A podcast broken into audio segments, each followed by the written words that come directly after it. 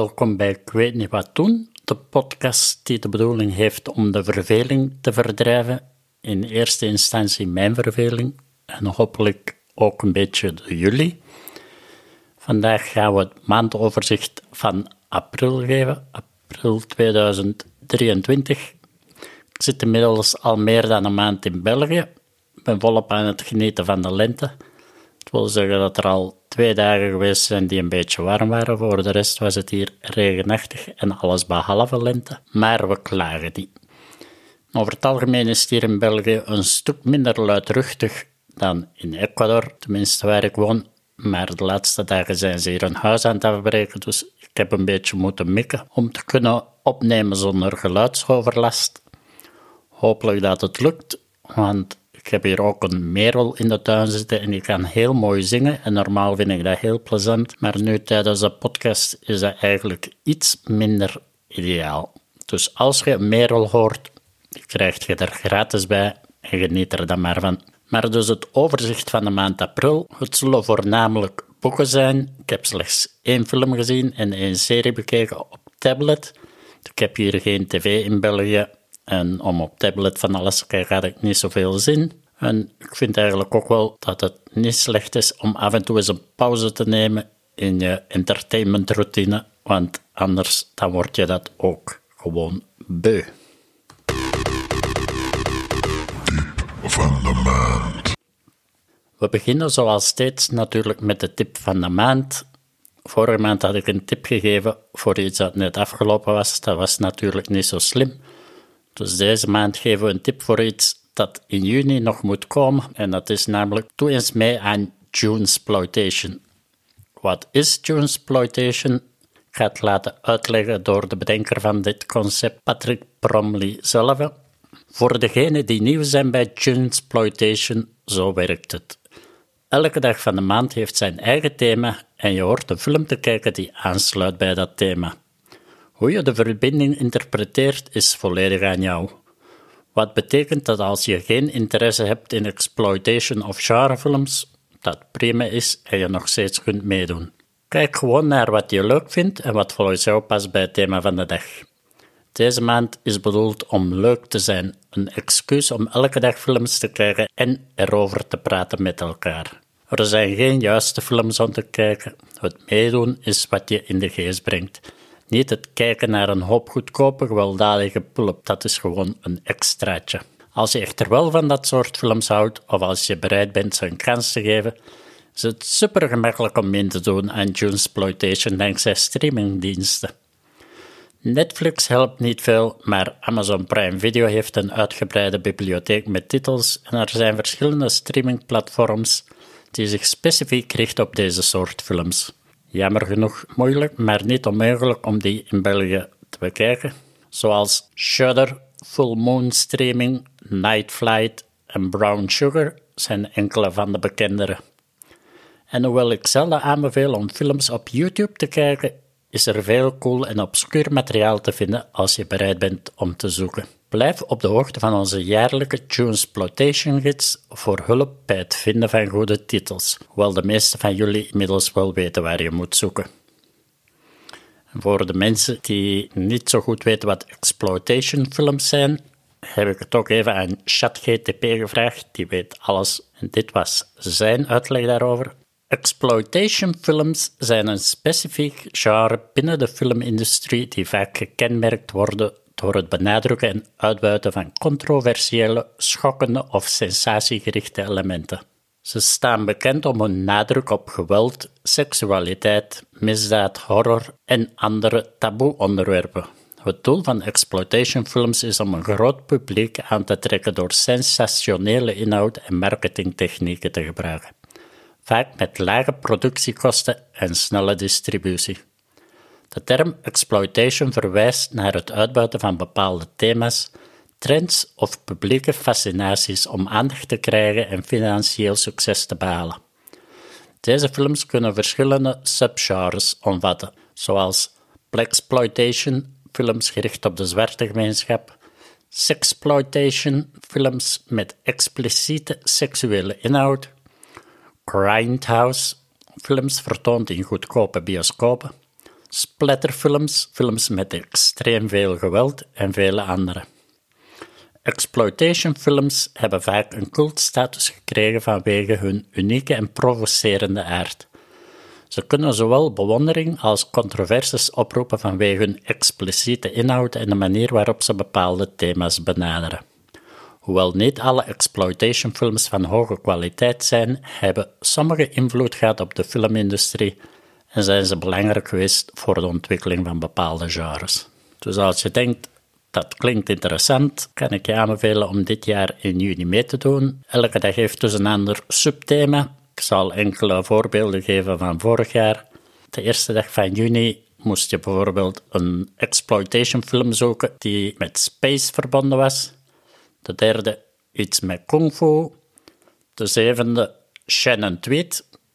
Heb ik moeten opzoeken, ik wist niet wie dat was, maar dat is blijkbaar een playmate die in veel goedkope films heeft meegespeeld. De vijftiende was bijvoorbeeld het thema Bugs. De achttiende Canon. Iedereen kent wel de Canon-films van de jaren 80. Alle films met Chuck Norris en aanverwanten. Een zeer lollig productiehuis. De 21ste moest je een film kijken die verbonden was met Jackie Chan. De 23ste kon je Cialos kiezen, Italiaanse films. De 25ste was het thema Revenge, ook een, een vaste waarde in de exploitatiefilms. De 28ste 80s horror, altijd leuk. Dus je kan zien, elke dag was er wel iets gevarieerd. En er waren ook enkele dagen dat je volledig vrije keuze had. Zou je dit jaar willen meedoen? In de show notes staat een link naar F This Movie, waar eind april de themalijst van dit jaar gepost zal worden, en waar je dan kan kijken hoe je kan meedoen. Films van de maand. Films van de maand is dus een korte rubriek. Ik heb er namelijk maar één gezien. 65, de film uit 2023 dus. is geregisseerd door Scott Beck en Brian Woods. Hij krijgt slechts 2,4 op 5 op Letterboxd, een lage score dus. Het is zeker geen Godfather of Citizen Kane, maar ik vond dat nog wel te pruimen. Het verhaaltje is Adam Driver Goes After Earth. Die ken je misschien nog wel. After Earth van een paar jaar geleden Shimalayan met Will Smith en zijn zoon. Dit verhaaltje is min of meer gelijkend. Het heeft één voordeel, er zitten minder smitjes in. Dus een beetje een videotheekfilm. Ze halen zeker niet alles uit het concept, maar ik heb me geamuseerd. Adam Driver doet dat goed, maar heeft niet zoveel om te doen. Het is een beetje zoals een VT4-film laat op de avond vroeger. Je zit er niet op te wachten, maar als het opstaat, dan kan je dat gerust uitkijken. Series van de maand. Series van de maand is ook een korte rubriek. Ik heb namelijk slechts één seizoen van één serie gezien. Dat had ik in de vorige podcast al gezegd, dat ik aan seizoen 2 van Undercover begonnen was. Eerste seizoen van Undercover was de drugswereld op een camping. Tweede seizoen was wapenhandel tussen de cowboys. Dus nog steeds goed geacteerd. Wim Willard was een leuke toevoeging, maar er zaten ook enkele personages in die niet noodzakelijk de toon van de serie juist konden vatten. Het personage van Sarah van Deurzen en haar compagnon, die waren wel grappig, maar die pasten niet echt in de toon van de serie. Jammer, want ik vind Sarah van Deurzen een zeer grappige persoon ook.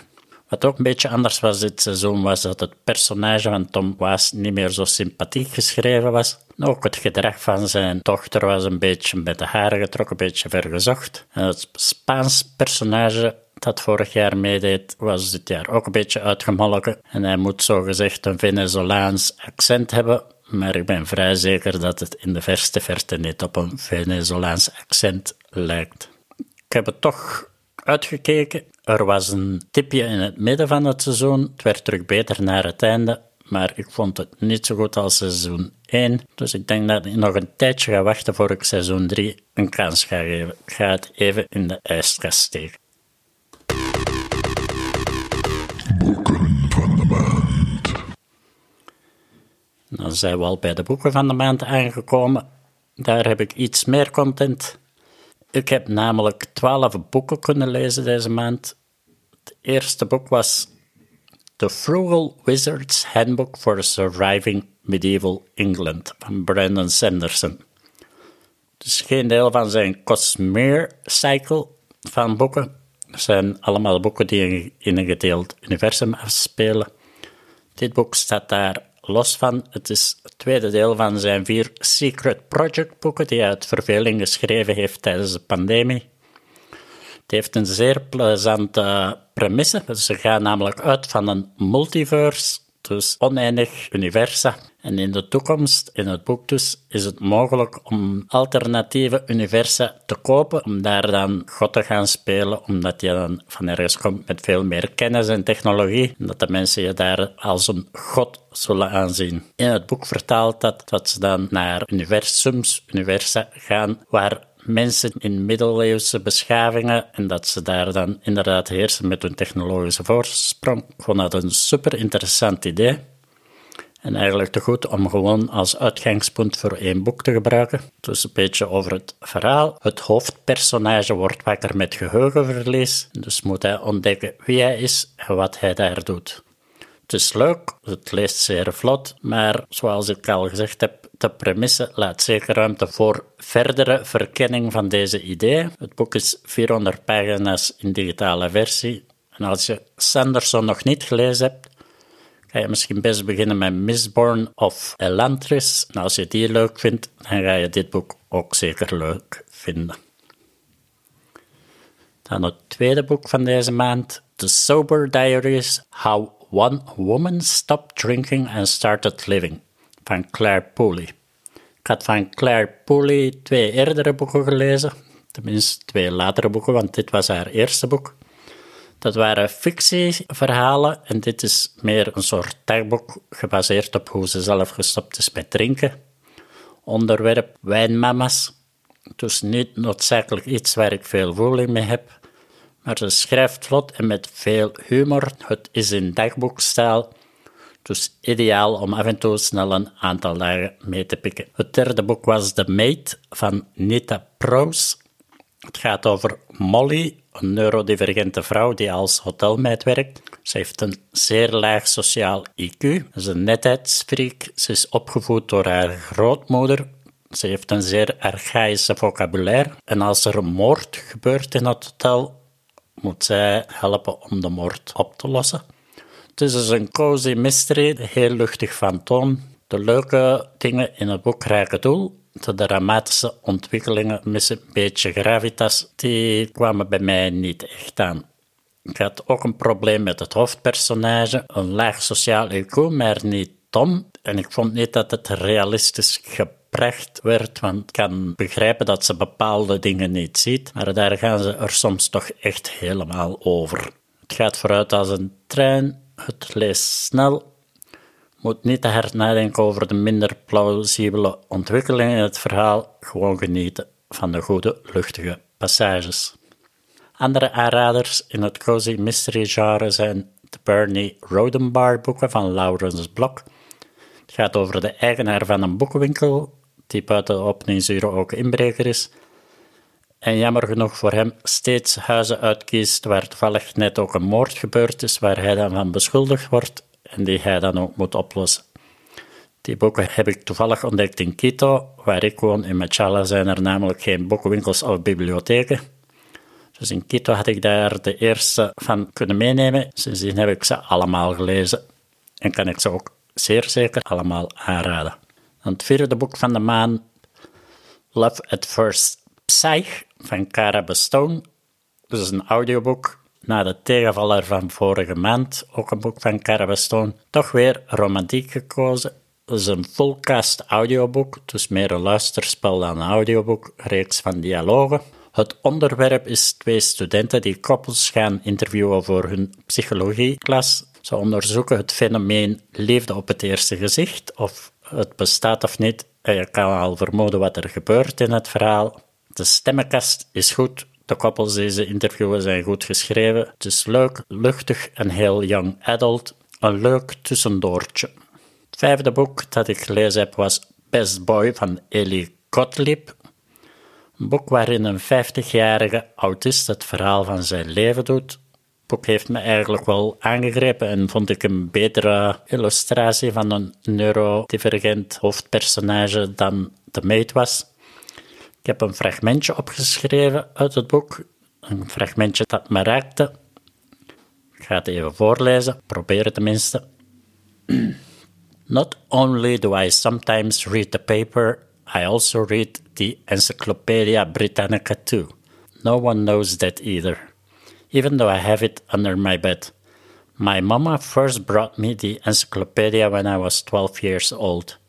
I just arrived at the Clovis Center and she asked the director there to make a special exception. And he said yes, and so have all the other directors since. She used to bring me the Britannica yearbooks each year too until she died, Mama. Most people think the encyclopedia is there to make me happy, like a piece of blanket from childhood.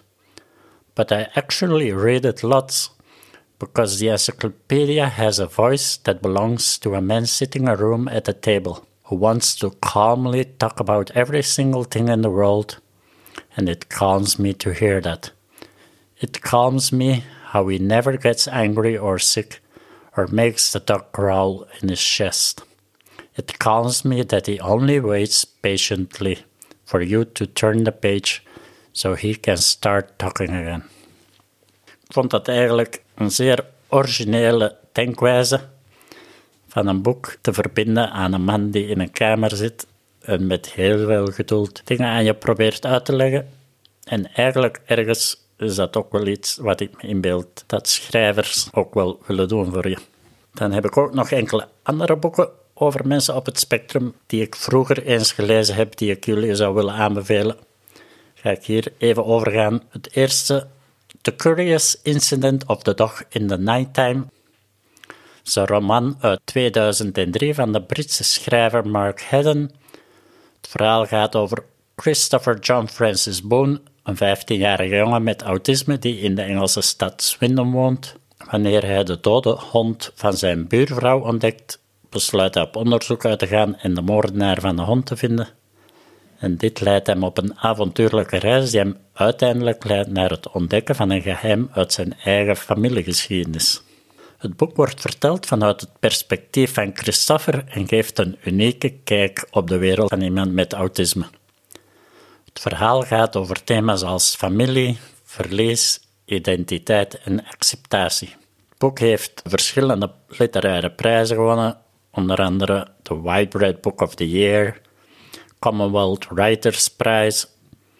En in 2012 werd het boek zelfs aangepast voor toneel. En is het onder in Londen en New York op Broadway zelfs opgevoerd. Maar van die toneelbewerking heb ik nooit niks gezien. Een ander boek in dit jaar is The Rosie Project van Graham Simpson. Dat gaat over een hoogleraar genetica, Don Tillman, die het moeilijk vindt om sociaal contact te maken, want hij heeft Asperger.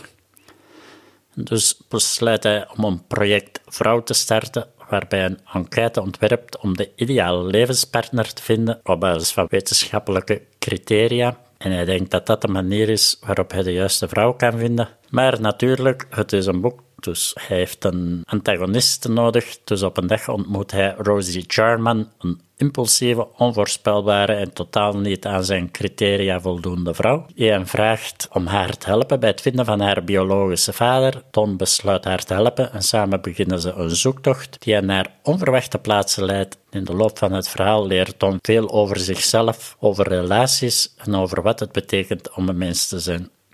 Het is een humoristisch boek, hartverwarmend, en het heeft ook heel veel internationaal succes gekend. En te zeggen dat er ook een film van is, of een film van gaat komen, waarin Ryan Reynolds en Zoe Saldana uh, zouden spelen. Maar dat heb ik eigenlijk nog niet opgezocht of dat ook effectief het geval is.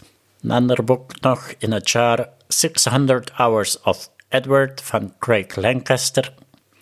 Dat is een boek uit 2009. Dat gaat over Edward Stanton, een 39-jarige man, ook met syndroom van Asperger, die in Billings, Montana woont. Hij leeft volgens een heel strikt schema. en is geobsedeerd door getallen en routine. Zijn leven verandert wanneer zijn therapeut hem uitdaagt om buiten zijn comfortzone te treden en zijn routine te onderbreken.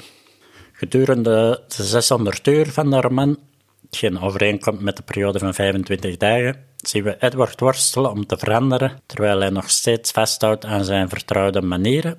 We leren over zijn verleden, zijn ouderschap, zijn angststoornissen en zijn relaties. Het verhaal gaat over thema's als identiteit, volwassenheid, verandering en acceptatie. Ook dit boek heeft natuurlijk verschillende prijzen gewonnen. Het heeft ook bijgedragen aan het verhogen van het bewustzijn over autisme en Asperger. Een andere aanbeveling in het neurodivergente genre is iets ruimer, namelijk het personage Holly Kipney. Die speelt mee in verschillende boeken van Stephen King. De eerste boek waarin ze voorkwam was de Mr. Mercedes, Finders Keeper en de Fudge trilogie, de Bill Hodges trilogie. Achteraf kwam ze ook nog in The Outsider, waar zij eigenlijk een hoofdpersonage is. In de verhalenbundel If It Bleeds heeft ze ook een verhaaltje. En in die verhaal is Holly een slimme, excentrieke vrouw met syndroom van Asperger, die in staat is om aanwijzingen te vinden waar anderen dat niet kunnen. Als je Stephen King leuk vindt en boeken over neurodivergente mensen wilt lezen, zeker proberen. Van The Outsider is trouwens ook een tv-serie gemaakt die goed was. En er is ook een tv-serie over de Bill Hodges boeken gemaakt. Daar heb ik enkel één aflevering van gezien, maar dit geheel terzijde. Het zesde boek van de maand was Remarkably Bright Creatures van Shelby van Pelt. Toen ik opzocht wat ik wou lezen, was ik geïntrigeerd door wat ze op internet zeiden. Ze zeiden dat het over de vriendschap ging tussen een oudere vrouw, Tova genaamd, en een inktvis die Marcellus noemt, hetgeen ik een gepaste naam vind voor een inktvis. Het boek gaat daar halveling ook wel over, maar we volgen verschillende verhaallijnen met veel verschillende personages die uiteindelijk allemaal wel samenkomen. Aanvankelijk vond ik de verhaallijnen van Marcellus en Tova het interessantste, maar na een tijdje werd ik ook meegezogen in de andere verhaallijnen. Het is een feel-good boek. Ik ga de plot niet spoilen, maar het was best vermakelijk als je eens iets hartverwarmend wilt lezen. Een aanrader.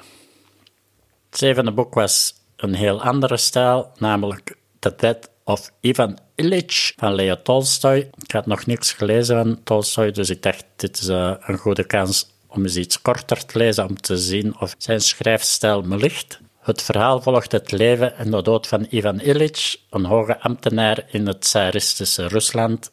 Hij leidt een comfortabel maar oppervlakkig en leeg bestaan. Hij wordt gedreven door sociale status en materialistische verwachtingen, maar wanneer hij geconfronteerd wordt met terminale ziekte en de onvermijdelijkheid van de dood, begint Ivan te reflecteren op de betekenis van zijn leven en relatie met anderen. Het boek daagt de lezer uit om na te denken wat belangrijk is in het leven en de betekenis van ons bestaan. En wat de betekenis van ons bestaan is, ook de impact van dood en sterfelijkheid, het hoofdpersonage wordt gedwongen zijn perspectief op het leven te veranderen. Ze onderzoekt een beetje emotionele en psychologische gevolgen van het naderende einde. Dat was de merel trouwens. Ook een ander thema is de destructieve aard van oppervlakkigheid en materialisme en de rol van de maatschappij en sociale conventies. Het is en blijft een Russisch boek, dus die thema's kunnen natuurlijk niet ontbreken. En ook het belang van de menselijke verbondenheid en mededogen. Naarmate Ivan geconfronteerd wordt met zijn eigen sterfelijkheid, begint hij meer te verlangen naar menselijk contact en begrip. En dus de novelle benadrukt het belang van empathie, mededogen en liefde in het leven van een individu. Het echtste boek was dan weer helemaal iets anders, namelijk Helldivers van Nicholas Sansbury Smith. Ik zou het omschrijven als het literaire equivalent van een VT4-film met Dolph Lundgren. Helldivers is een post-apocalyptische science fiction serie. Het bestaat uit meerdere boeken.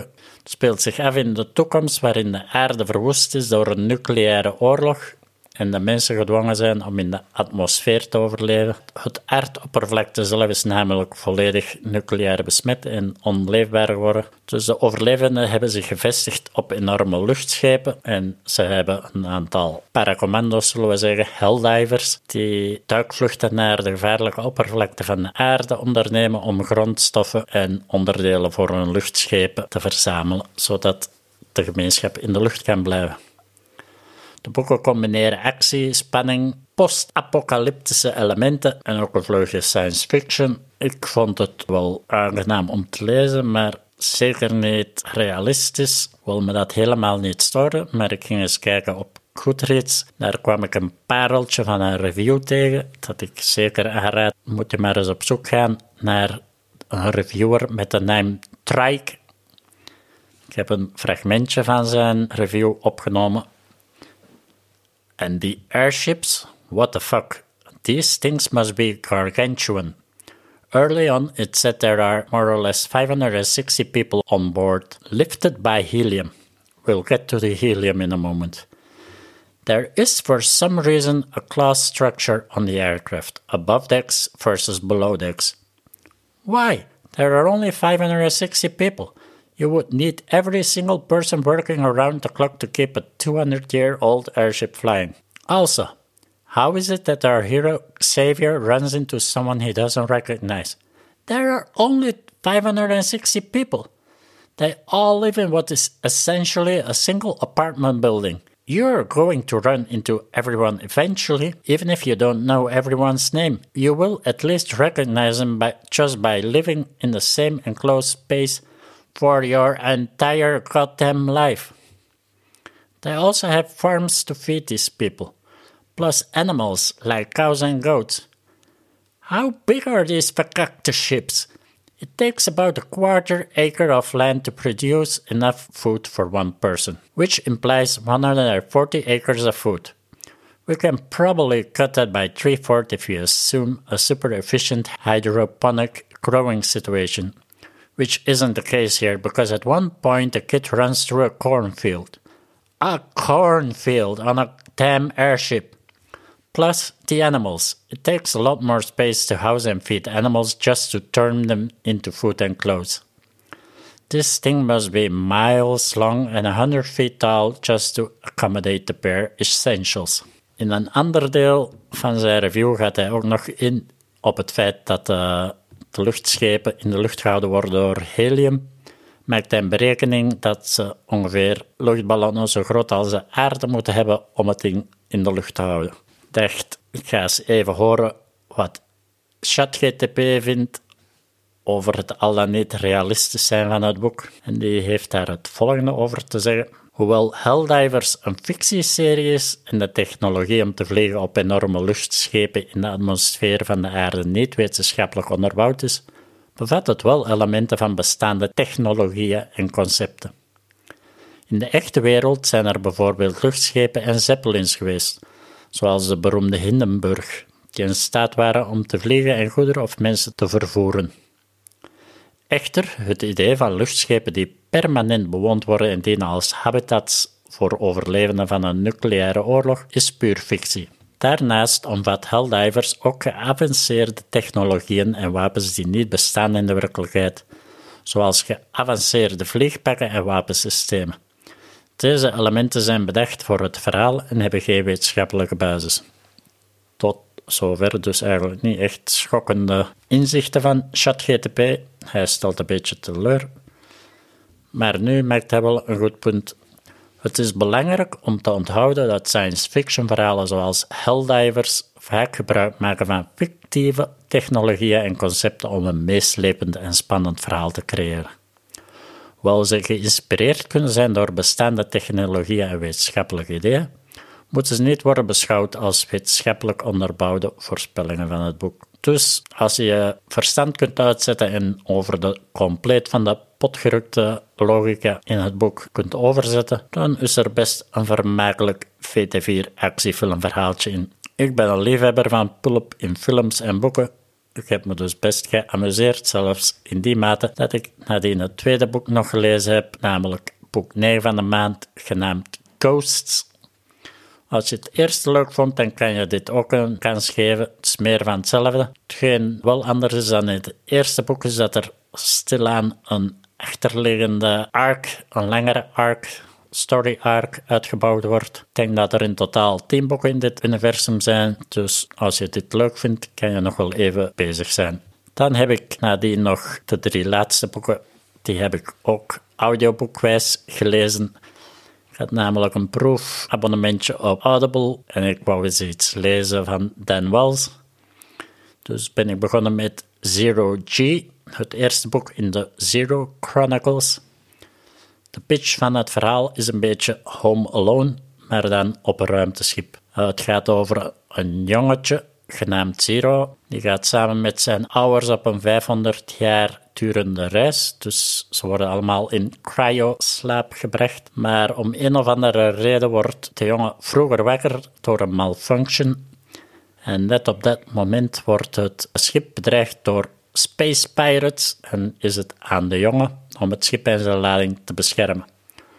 Weerom een zeer luchtig boek, zeer plezant. Is iets goed voor tijdens een wandeling of zo. Als je denkt van ik ga mijn hersenen even uitzetten. Ik weet zelfs niet of het young adult is. Ik denk dat het zelfs nog een categorie jonger bedoeld is. Maar kind in mij is nog niet afgestorven, dus ik kan jeugdboeken ook nog wel appreciëren.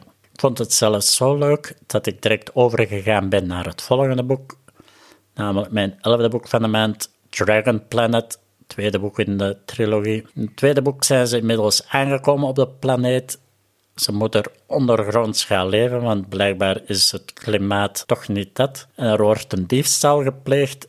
En onze held Zero dus en zijn sidekick, die hij in het eerste boek opgepikt heeft, moet het gaan oplossen en kunnen zo als eerste de fauna en flora van de planeet ontdekken. Wat dan volgt is zeer leuke en inventieve worldbuilding. De dieren die ze verzinnen, die zogezegd op die planeet leven. En de fauna is heel leuk omschreven, zeer goed gevonden. Het verhaal op zich is meer van hetzelfde, vooral gericht op een jeugdig publiek. Heel leuk. En dan het laatste boek van de maand, twaalfde boek Stargazer, het sluitstuk van de trilogie. Dan komen personages uit het eerste boek nog eens terug en verkennen we een nieuw aspect van het planeet. Ik wil niet te veel weggeven voor mensen die de boeken eventueel ook een kans willen geven. Ik denk dat de boeken eigenlijk voor kinderen zijn van 10 jaar of ouder en ik reken me daarbij. Podcasts van de maand. Net als films en series heb ik weinig podcasts geconsumeerd deze maand. Ik heb vooral muziek opgezet als achtergrond tijdens het lezen. Maar één podcast die ik wel vrij veel beluisterd heb deze maand is de Lantern Rouge Cycling Podcast. Het is een podcast door twee personen, Patrick Bro en Benji Nassen. Benji Nassen is trouwens van Belgische aankomst. Die geven een samenvatting van de belangrijkste wieler-events is er bijvoorbeeld de Ronde van Vlaanderen. Een uurtje nadien staat een podcast dan meestal al online. Geven zij een zeer goede analyse van alle events. Wat is er gebeurd? Wat was de ploegentechniek erachter en zo. Het voordeel van naar de podcast te luisteren in plaats van live te kijken, is dat je geen vijf uur durend overloos gezwam over donuts of plaatselijke stamcafés of whatever op Michel Wuit zijn leverlicht moet luisteren, maar gewoon gebalde, korte, goede analytische inzichten. Wat ook wel een grappig feitje is dat ze er ingerold zijn nadat ze een spelletje aan het spelen waren. Het spelletje was een tactisch spel waarin je wielrenners een ploeg moest samenstellen en dan winnen. Voordat ze het spelletje begonnen spelen, hadden ze geen affiniteit of verbondenheid met wielrennen, maar inmiddels zijn hun inzichten van een dergelijk niveau dat ze af en toe al door wielerploegen op de schouder getikt worden om eens met hen te komen praten. De tip van ChatGTP. Dan zijn we al aanbeland bij de maandelijkse tip van ChatGTP. Ik heb hem gevraagd om 10 tips om je niet te vervelen in de lente. En dit is wat hij me aanbeval. Eerste tip: ga op zoek naar lentekriebels en probeer ze te vangen. Niet letterlijk natuurlijk, zegt hij er nog bij. 2. Maak een lentewandeling en neem een picknick mee. Let op, het gras kan kriebelen. 3. Ga naar buiten en geniet van het lenteweer, maar vermijd de beruchte lenteregels door een paraplu mee te nemen. 4. Maak een lentebloemcollage en wees creatief met de kleuren van de regenboog. 5. Ga op zoek naar jonge dieren in de natuur en wees blij als ze niet te schattig zijn om te weerstaan. 6. Maak een lentefoto met een konijnenpak aan en verstuur het als paaskaart naar je vrienden en familie. 7. Leer de lentekriebels tango. Die vereist dat je voortdurend je benen en armen beweegt om de dans van de natuur te imiteren. 8. Maak een lenteknutselwerk van bloemen en gras en geef het aan iemand die nog niet van de lente houdt. Als die persoon bestaat. 9. Ga lente bouwen door je favoriete lentebloemen in de tuin te plaatsen en te proberen ze om te gooien met een bal. 10. Organiseer een lentefeest en serveer lentegerechten zoals lamsvlees en asperges. Maar zorg ervoor dat die gasten niet allergisch zijn voor de lentekriebels in de lucht. Dank ChatGTP voor deze 10 tips. Ik wil jullie ook bedanken om te luisteren naar deze podcast. Ik heb me weer heel goed geamuseerd met het te maken. Ik hoop dat jullie ook wel een tip kunnen gebruiken uit deze podcast. En met een beetje geluk zien we elkaar volgende maand opnieuw. Tenminste zien, luisteren. Ik weet wat ik bedoel. Hè?